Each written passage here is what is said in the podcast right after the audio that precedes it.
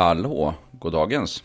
Hej på dig David. Ja, eh, du, eh, du har ju jobbat i hur många år som helst med det här med eh, personer med autism. Och jag har jobbat mycket med det och i förskolan. Och eh, vi har fått en fråga här eh, från några som undrade lite grann hur vi tänker kring det här med fri lek och autism. Och det tycker jag är ett väldigt spännande, ja.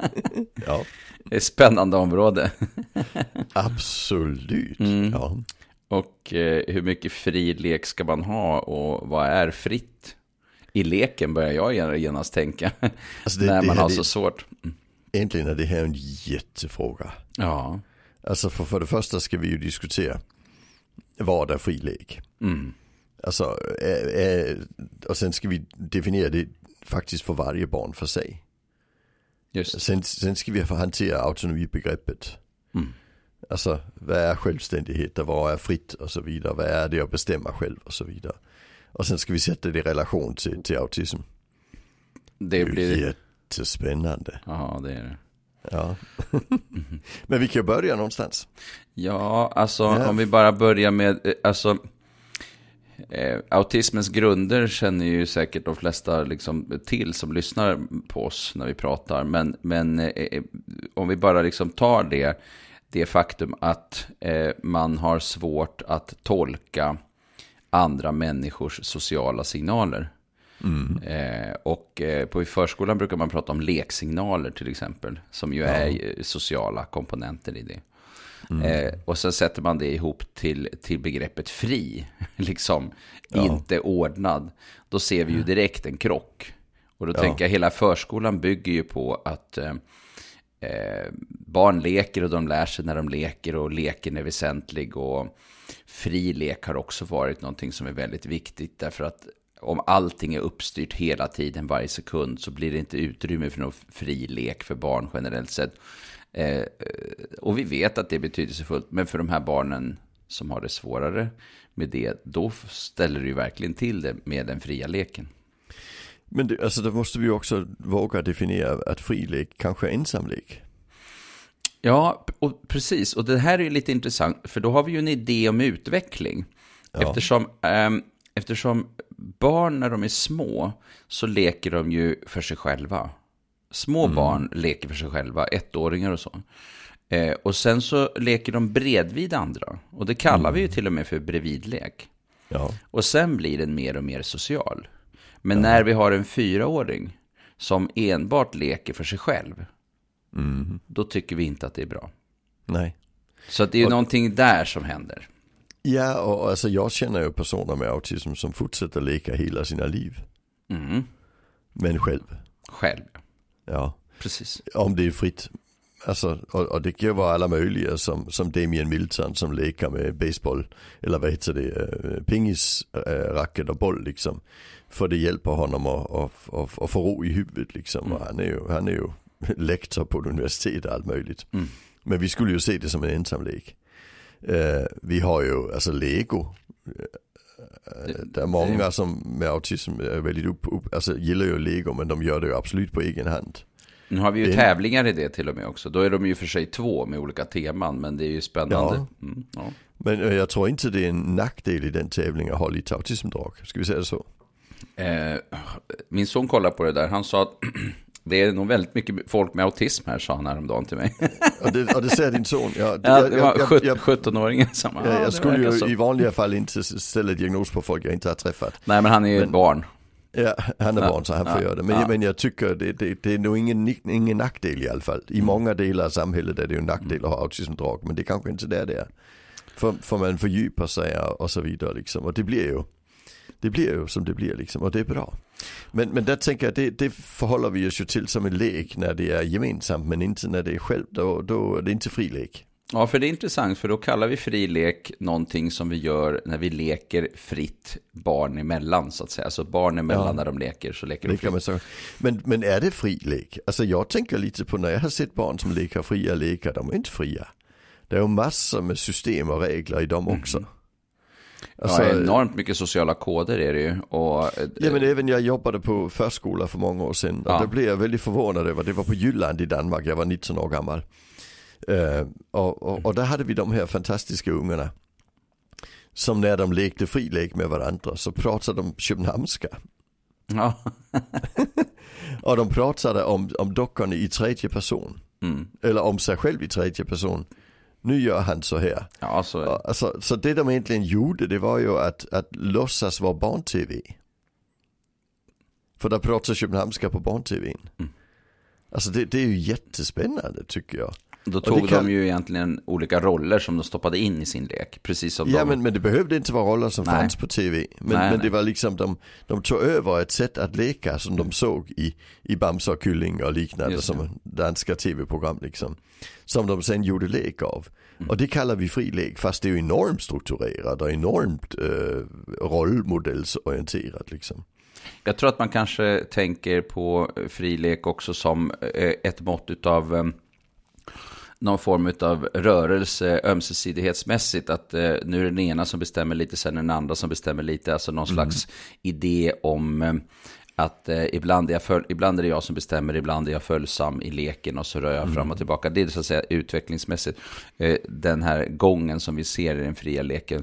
Eh, att jämnåriga gör så. Men med barn med autism till exempel eller med liknande svårigheter så ser vi att eh, man antingen är den som styr hela tiden varpå de andra antingen hänger med i det eller eh, tycker att det blir tråkigt och lämnar mm. varpå det blir konflikter. Eh, eller är den som får en roll eh, av att vara någonting som är lättare. Bebis eller patient mm. eller eh, hund eller katt eller någonting.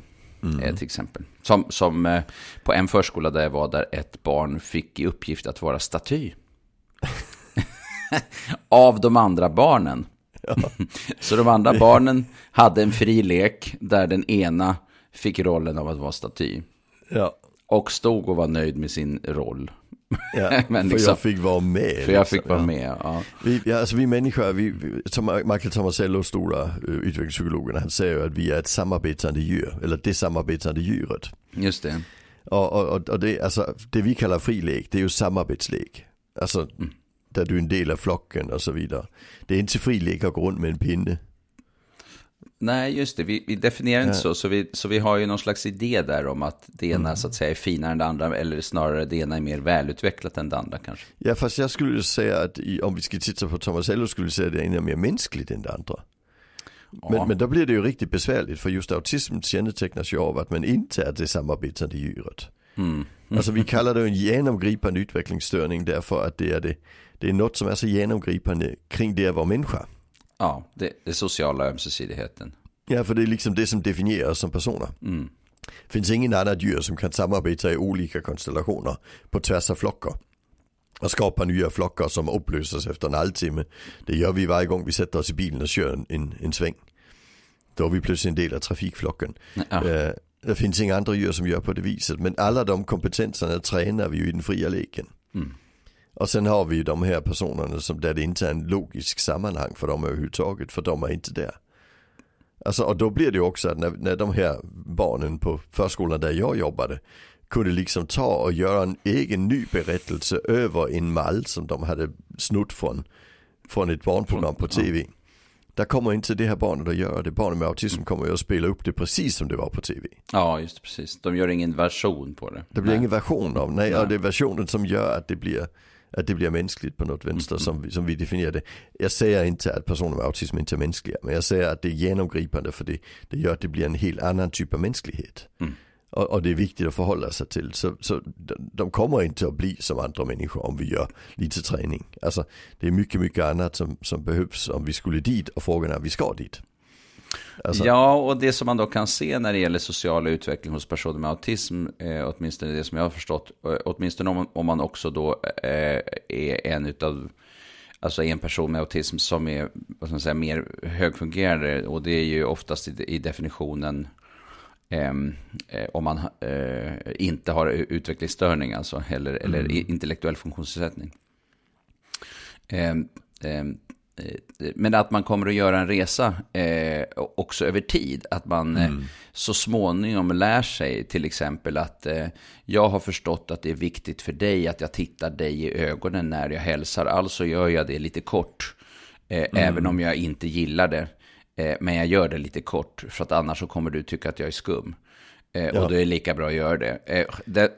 Det kommer ju automatiskt för barn ganska tidigt, det där att man ändå kan eh, kika någon i ögonen när man, när man pratar med den och så, vilket vi inte ser hos personer med autism. Men, och, det, och med mera, med mera, det finns massa saker som kommer successivt. Eh, Vi, kall, vi kallar den kognitiva komp- kompensationen som man gör. ja, eh, just det, själv. precis. Om man ligger i, i framförallt om man ligger i normalbegåvade fältet så Ja. kommer de flesta ju att, att, att lyckas med olika typer av kognitiva kompensationer. Och, och men där, man, får, man får formulera dem för sig själv och det är Ja. väl egentligen det som är den stora eh, skillnaden.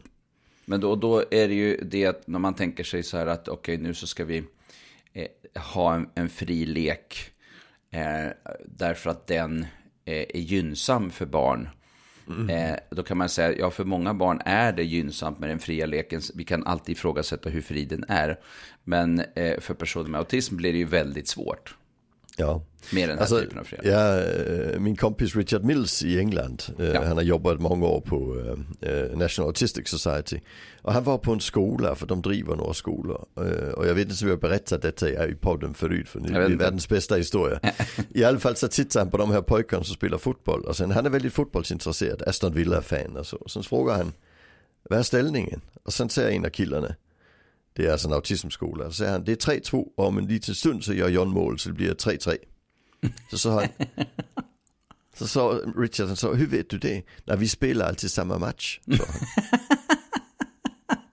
Ja, den var rolig. Och det är ju ett sätt att strukturera den fria Ja. leken så att den blir förutsägbar. Mm. Och, och, och, sen, och sen kan vi diskutera, sen är det folk som säger, men då är den ju inte fri. Nej. Men det var inte heller de här barnen på förskolan där jag jobbade, den var inte fri. Den var ramad.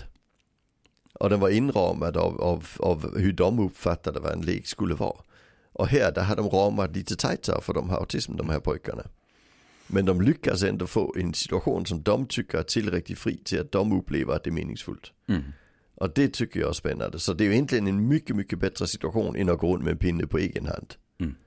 Alltså men den är klart strukturerad. Ja, just det. Och, och, och sen tycker jag också fri lek, men, när har vi fri lek och vad händer med den fria leken när vi blir vuxna? Mm. Det är också spännande. Alltså, vi har väldigt många barn som, som kan leka fritt någorlunda i förskoleåldern. Men de som har lite svårare för det redan i förskoleåldern, här pratar jag inte om barn med autism utan bara de där det är lite svårare att få till det.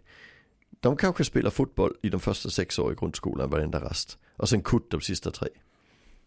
För där har vi samma, där har vi en viss struktur som är lagom till att då kan, vet jag hur jag ska agera och det kommer att funka liksom. Och har vi då en autistisk elev, då måste vi ju liksom öka den graden på något vänster. Så jag skulle egentligen säga, jag, jag återkommer hela tiden till Gustav Sund och hans skolgårdspedagogik. Skapa fasta, färdiga sätt att vara på och låt autonomin ligga i vilken du väljer. Det funkar mycket, mycket bättre än att, än att säga fri lek åt alla. Alltså det blir lite laissez-faire på något vänster. Mm. Ja, mm. vi, låter, Alltså- vi släpper ju ut dem på gå- skolgården, om vi nu tar skolgården som exempel och säger lös uppgiften. Mm. Eh, och det funkar ju inte så bra för alla. Nej, och jag menar det, det är inte någon skillnad på en nattklubb. Alltså det, det är väl det vuxna fria leken, men den är fan inte heller fri. det är system och det är ordning och regler, det är hierarkier du måste förhålla dig till. Alltså. Och Så de som-. Och en del bryter mot det där, det blir inte alls så bra. Nej, där åker de ju ut. Alltså. Så är det. Där har vi folk i uniform som slänger ut dem. Ja. Ja, så, så, så, så jag tänker det, det är en, vi kanske ska säga det så att det är kanske en önskan om den fria leken. Som i verkligheten inte är så fri. Som gör att vi säger att får inte de leka fritt. Men det vi egentligen ska säga det är hur ska ramarna vara för att de kan uppleva den frihet som är nödvändig för att de kan uppleva det som en fri lek. Det där är ju intressant, va, det här. Och eh, om vi tänker på, om, om vi tar förskolan nu igen, om vi nu tänker, för vi pratar oftast om frilek i förskolan, men, men också i de lägre åldrarna. Ehm, så, är ju, så bygger ju hela förskolan, eller förskolan bygger hela sin pedagogik på att vi är, att vi lär genom att vara eh, sociala med andra. Det är liksom i den sociala kontexten, vi lär tillsammans. Ja, Det är liksom det som är grunden. ja. Och sen Och det- har vi, ja, Där kan man säga när jag då har gjort diagnostiskt arbete och har varit ute och observerat en liten tvååring i en förskola. Ja. Där det de, de reagerar på det är han, han vill helst vara i kapprummet Ja. själv. Ja. Ja, då behöver vi inte så mycket mer diagnostiskt. Nej. Nej, men precis. Vill gärna vara för sig själv. Och då kommer vi till en sak som är ganska intressant. Och det handlar om då det här med inkludering och exkludering. Det kan vi ju prata Ja. mer om någon annan gång. Men eh, då tänker vi så här att eh, om vi låter barnet få leka för sig självt. Då blir ju barnet exkluderat ifrån den sociala gemenskapen. Men om vi låter barnet ingå i en fri lek som he- hen inte förstår, då blir barnet exkluderat trots att hen befinner sig mitt i det sociala centrat. Liksom. Ja. Så, så, så det är lite intressant när vi pratar om exkludering och inkludering, att det, det, det är ganska svårt i relation till Ja. autism och till exempel en förskola eller skolas sociala liksom, arena. Ja, alltså jag, jag brukar använda mig av Barrys modell. Eh, han säger att det är fyra nivåer. Eh, tre inkludering, eller två inkluderingsnivåer och två exkluderingsnivåer. Och den översta det är assimilering. Du ska ingå på lika villkor. Mm. Det är ju det vi kräver i den fria leken. Mm. Det nästa det är integration. Vi, vi skapar lite ramar kring hur du ska ingå där vi anpassar ramarna efter dig så att du kan ingå. Mm, du kan vara staty till exempel. Ja, eh, ja eller, eller, eller att vi leker en, en, en, en lek som vi har bestämt hur man ska leka. I förväg. ja. Gustav Sundgren på skolgården. Ja. Den tredje nivå det är exklusion. Att du kan inte riktigt vara med de andra så du ska vara med några andra som funkar som dig. Mm. Och där kan vi då göra saker som de funkar bäst för dig. Men, men det betyder ju ändå att man kan känna sig inkluderad i den gemenskapen som det sen blir. Ja. Men det kallas här- ändå ett exklusionskriterium, men det är fortfarande Ja, så att man kan uppleva sig vara inkluderad. Ja, alltså han, han har inte sysslat med skola, han sysslar Nej. med invandring. Ja. Eh, Så han menar ju parallellsamhället är ju en exkludering Mm. på det viset. Men den fjärde nivån det är ju, det är ju marginaliseringen. Alltså du, du funkar inte så du, alltså och den som är i fri lek blir ju marginaliserad. Den som är i en strukturerad lek, om det sen är för leka staty, är ju, är ju integrerad i alla fall. Mm. Men det, det som är spännande med hans modell det är att han säger ställer vi för höga förväntningar på en person så blir det marginalisering. Mm. Ja. Där blir det att du går runt med en pinne själv eller att du hamnar i, i konflikt. Eh, liksom det är marginaliserings båda två liksom. Så vi måste liksom titta på hur många kan vi assimilera? Hur många måste vi skapa lite eh, strukturer kring, alltså integrera? Hur många måste vi skapa aktiviteter kring den personen helt och hållet så vi blir mer exkluderande? För vi vill inte marginalisera. Nej. Mm. Precis. Det är liksom det, det som är kontentan i hans modell. Ja. Och den tycker jag är fin man kan lägga ner på den fria leken också. Att tänka, vilken, alltså de här killarna som spelade fotboll tyckte det var fri lek för dem. ja. Ja. Och för en var- utomstående så blir det inte så. Nej, men de Ja. bestämde att det gjorde de på det Mm, viset ja. för då funkade det. Just det. Det är ju spännande. Ja, den är väldigt intressant. ja, nej, men det är svårt det här för att eh, eh, vi lever i en social värld och det finns hela tiden någon slags förhoppning kanske ibland eller någon idé om att eh, vi, här har vi ett, ett, en person som, som har väldigt mycket autistiska drag men kanske inte någon diagnos. Eh, men skulle han eller hon utredas så kanske man skulle landa med en diagnos autism på en gång faktiskt. Jag tycker att jag har ganska mycket handledning med eh, personal som eh, har barn som ännu inte har en autismdiagnos men Ja. som definitivt kommer att få det eftersom jag hör ju hur det låter med hur mycket, alla symptomen så att säga. Och där kan vi ju säga att den största gruppen idag som får diagnos, de får diagnos i sexårsåldern. Så förskolan är det ju ofta att man inte är diagnostiserad. Ja, och, De- och då, de som har diagnos i, i förskolan, det är ofta de som har ganska stora svårigheter. Ja, som inte utvecklar Men språk de som är så. lite mer ja. högfungerande, precis, kanske inte Ja. har det. Nej, och då har den, den åldern har flyttat sig på 10 år från 8 till 6 år ungefär. Så, eh, samtidigt som vi har gjort förskoleklassen obligatorisk. Det är ju ganska intressant. Att, att, att vi ser att, att det, det, det är det skiftet att de då börjar liksom misslyckas mer. Mm. Och då skriver vi remissen. Så det är klart i förskolan kommer det vara många med drag. Ja, det kommer vara många med drag. Och eh, då gäller det ju för personalen att hitta sätt att arbeta med barnen, eh, även om de inte så att säga vet vad det handlar om. Så Ja. är det ju också så att eh, de här barnen som har jätte, jätte, jättesvårt. Mer socialt samspel som, som fungerar som barn med autism gör. De är ju också hjälpta av en pedagogik som, som eh, alltså att man plockar upp autismpedagogiken och, och liksom förstår sig på mm. vad det handlar om för någonting. Jo, och jag tycker också, alltså just, jag återkommer till Gustav Sund. Alltså hans arbete är inte en autismpedagogik för, för elever utan autism. Mm. Ja. Alltså alla mår ju bra av strukturen. Mm. Om strukturen skapar en ram för hur vi omgås. Inte om den blir en styrmedel för hur vi omgås. Nej, alltså det som, jag har haft kontakt med, med skolor som har jobbat väldigt strukturerat med skolgårdar. Eh, och ehm, eh, det som jag har hört, det är en skola framförallt som jag har haft mest kontakt med. De har ju varit jättetydliga med att det hade jättestor betydelse för, eh, för lektionstiden. Att de här konflikterna som man hade ja. på, på eh, ute på rasterna och så vidare. Att de löstes innan man kom in i mycket större mm. utsträckning. Mm. att fler fick vara med och... Det blev färre konflikter ja, tänker jag också. Ja, färre konflikter. Eh, ja, där, men det fanns fortfarande i... frihetsgrader där. Det var inte så att någon mm. tvingades att göra saker och ting. Men det fanns massa saker att göra. Det fanns mycket mm. aktiviteter mm. liksom. Mm. Och, de, och de, man vet hur man ska göra dem. Alltså just när det gäller autism så ser vi att gympa, det, alltså det bästa du kan göra det är ju en hinderbana. Alltså för då är det ju tydliga regler för vad du ska göra när. Mm. mm. Det sämsta du kan göra det är ju fri lek med gymnastikredskap. Ja. för då kan du ta en pinne och banka en huvud på någon. Ja, precis. Det kommer inte att bli bra. Nej, men grejen är den att när vi lämnar över till barnen att själva lösa uppgiften och de inte kan. Yeah. Då får vi problem. Och sen ska man försöka backa mm. ifrån det och så vet man inte hur man ska göra. Mm. Så, så, så jag skulle säga, jag, jag är absolut för fri lek när det gäller eh, barn med autism. Men, men vi ska skapa en ram kring den fria leken så, så barnet upplever det som en välfungerande fri lek. Ja, och grejen är den att jag tänker att många vuxna sätter upp idéer om vad en, vad en fri lek är. För nu infattar, inf tänker jag att du i alla fall infattar en idé om att den fria leken kan vara att nu går jag här med min pinne eller jag kör mina bilar och sätter dem på rad eller jag går här och gräver min egen lilla grop i sandlådan. Den är fri.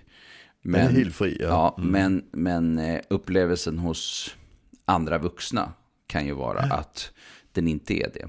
Eh, ja. Eller att man kan tycka att den är fri men att den fortfarande inte är bra. Därför att man skulle mm. vilja att barnet involveras i det sociala sammanhanget. Ja, det är en del av det, men även killarna på, på skolgården i England som spelar fotboll, det är också en fri lek för dem. Mm. Fast de har skapat en struktur kring den. Så, så, så vi får liksom tänka, hur ska vi strukturera oss? Alltså, det jag brukar säga när det gäller struktur, det är att säga att vi kan mäta kvaliteten i strukturen genom att se hur flexibelt barnet väljer inom strukturen. Väljer barnet icke flexibelt inom strukturen, då är det ingen bra struktur. Men väljer barnet flexibelt inom strukturen, då är det en bra struktur. Mm. Så ser du barn som alltid sitter och viftar med en flagga eller en liten tygbit. Där kanske du behöver strama till lite så det blir mer flexibilitet kring beteendet. Inte för att det är fel i sig, men vi vill gärna ha lite fler lekbeteenden än bara i det. För det är bra för honom också. Mm. Det, det, kan vara ett sätt att hjälpa till liksom. Ja, eh, eh, när vi skapar en ram och då finns det ju en slags, eh, vad ska man säga, eh, en, en, kunskap i det där. Eller vad ska man säga, det finns en, en eh, eh, det, det, vi skulle behöva samla ihop fler sätt att göra det på, exempel, mm. så att folk kan hitta de där exemplen på hur, hur kan vi göra det här på ett bra sätt. Ja, så att vi kan använda oss av den typen av modell för våran del också. Ja, men jag skulle nästan vilja ha någon typ av tipsbank. Ja, för den typen ja. av lek. Mm. Det finns ju lite kring lek eh, skrivet och gjort, men gör det ju. men, mm. men det är ganska litet. Eh, och, eh, och sen finns det ju också det här med strukturerad lek. Jag har till exempel sett eh, de som har jobbat med eh, strukturerade lekstunder. Mm. Eh, tillsammans med barn som har svårt med leken. Eh, ja. Där de tycker att, och nu var det inte något särskilt kriterium på att man måste ha en diagnos för att få vara med i den här. Men där man till exempel har tagit något barn som behöver jobba, liksom, mm. som, som, som, kan vara hjälpt av ett litet sammanhang eh, med tydliga ramar och så. Och sen kanske något eller några barn som är väldigt duktiga på att leka. Och sen mm. eh, har en hel del av dem, vad ska jag säga, lek beteendena, eller vad man ska säga, har kunnat användas när man har fått igång den där lilla leken. I det lilla sammanhanget så har, så har flera stycken sett att ja, men det här gav effekt också i andra sammanhang. Ja, precis. Eh, men då var det nog också barn som inte hade eh, de här extremt stora eh, svårigheter, eh, alltså autistiska, ja. eh, eller grav autism helt enkelt. Mm. Utan att eh, det var liksom en, en, en, en, hel del svårigheter, men kanske inte liksom den, den svåraste varianterna. Nej, precis. Mm. Nej, så är det. Och sen får vi bestämma oss för att pussel är också frilek. Ja, det är också intressant. Ja. vad, vi, vad, vi, vad vi lägger in i begreppet frilek. Liksom. Ja. Mm. Ja, vi släpper det för idag och eh, lär återkomma till de här spännande frågorna. Ja, Tack och hej. Det, det sätter mycket på sitt spets där kring autonomi och tänkande och socialt. Det är kul. Ja. Ja. Ha det bra. Hej. Hej.